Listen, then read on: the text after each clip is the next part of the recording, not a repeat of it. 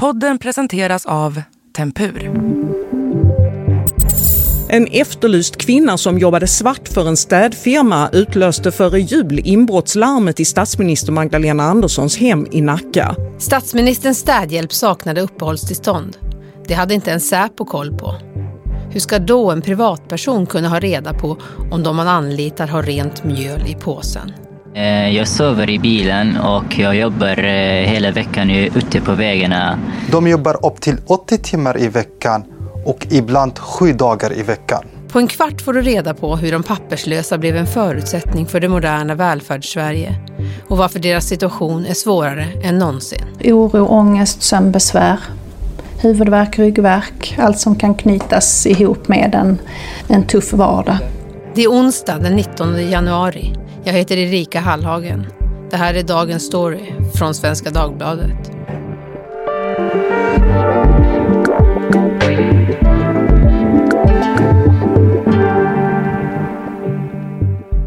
Negra Effenders, du är reporter på Svenska Dagbladet och har under tio års tid granskat de så kallade papperslösas liv och villkor i, i, Sverige för tidningens räkning. Är du förvånad över att det uppdagats att till och med statsministern har använt sig av illegal arbetskraft?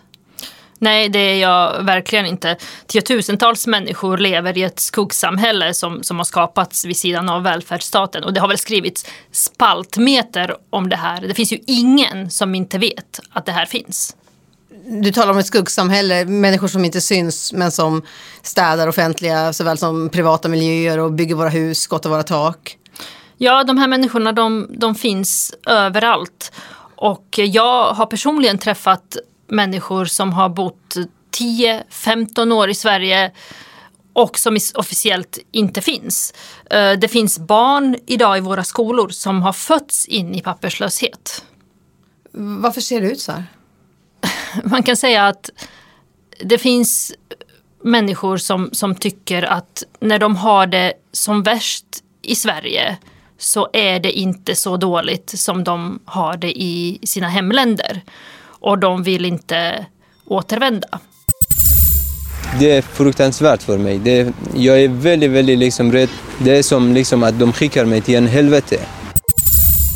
Socialstyrelsen definierar papperslösa som personer som saknar identitetshandlingar som pass och ID-kort.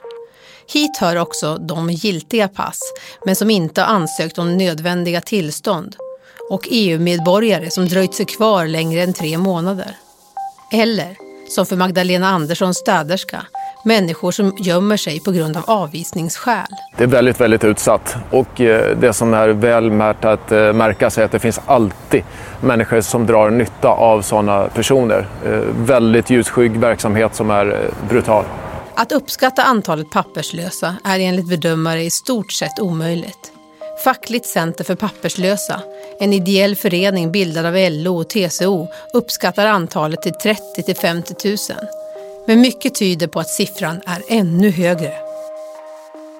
Du har skrivit mycket om papperslösa. Bland annat träffade du kvinnor 2017 i SVDs artikelserie Kvinnorna som inte finns. De tog ströjobb under dåliga villkor, städade toaletter, tvingades till prostitution. Vad, vad berättade de för dig? De berättade om en enorm utsatthet. Det var allt från eh, att de inte fick betalt, att de blev lurade på pengar. Det var en ständig jakt på, på jobb, på timmar, att få ihop det. Och många har barn med sig också som behöver kläder och maten ska på bordet så att säga. Och de berättade också både om övergrepp men också om trakasserier och ja, ett liv som, är, som på många sätt kan liknas vid faktiskt hungerspelen. Vad är de räddast för? De är mest rädda för att åka fast och bli utvisade.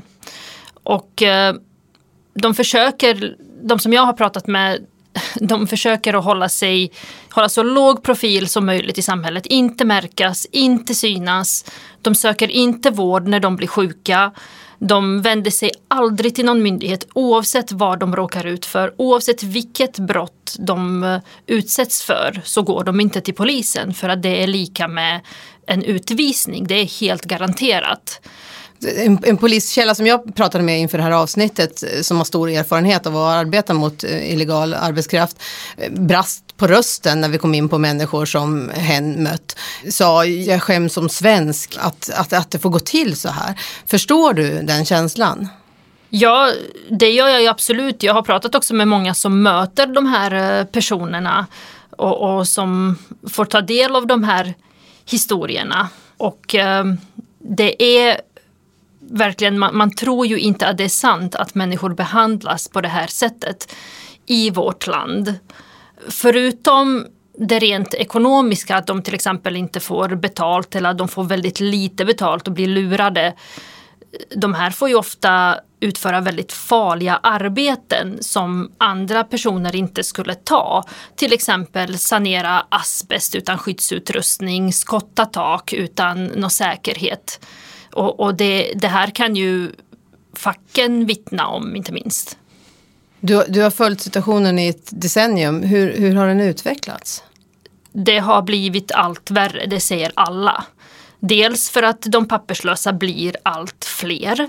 Vi har ju också haft en flyktingvåg där det kom eh, människor och eh, många av dem fick inte stanna i Sverige men, eh, och då fick avslag och ska egentligen återvända till sina hemländer men har inte gjort det utan valt att stanna kvar och, och leva som, som papperslösa. Hur, hur har pandemin påverkat det? Eh, enligt mina källor så har eh, jobben blivit färre i och med att, mång, att mycket har stängt ner. Till exempel när det gäller städning så, så är det ju kontoren är inte lika bemannade. Även hemstädning har minskat. Folk jobbar hemma. Man vill gärna inte släppa in någon i sitt hem på grund av eh, smittorisk. Det har gjort att eh, de här personerna som finns, de slåss ju om färre jobb och då har betalningen minskat.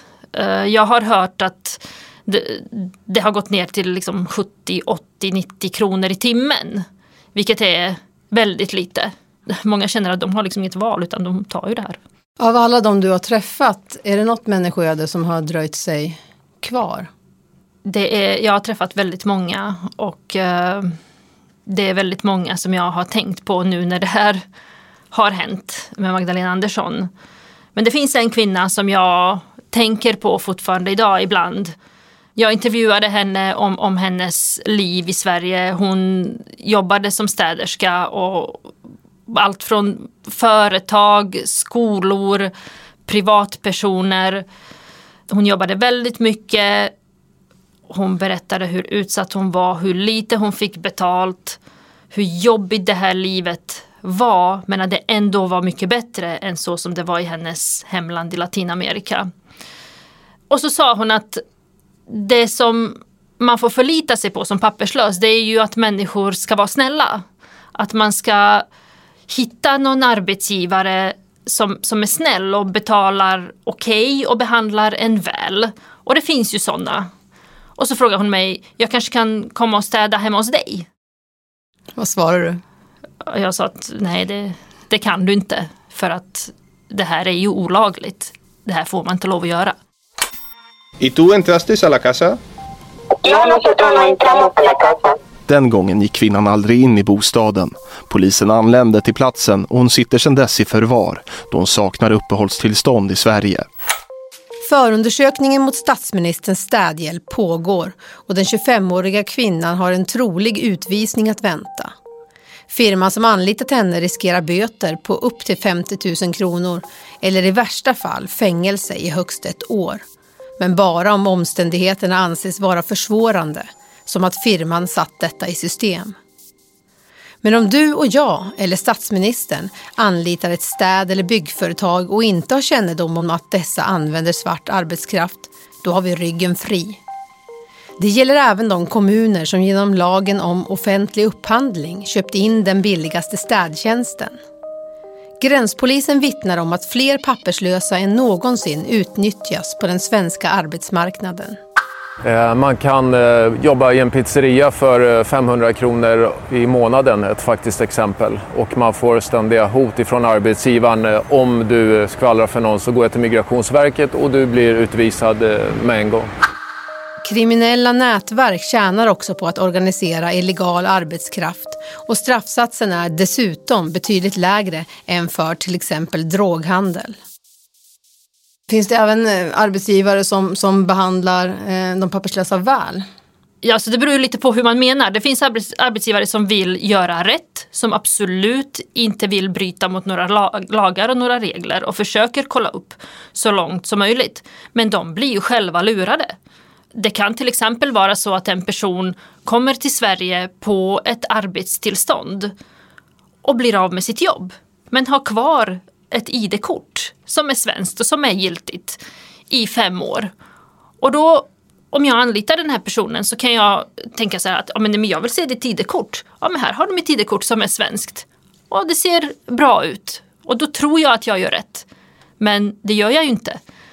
Sen finns det ju också arbetsgivare, det har ju de papperslösa själva som jag har träffat berättat för mig. Det finns arbetsgivare som vet att de är papperslösa men är inom citationstecken schyssta, behandlar dem väl, betalar dem bra lön och och sådär.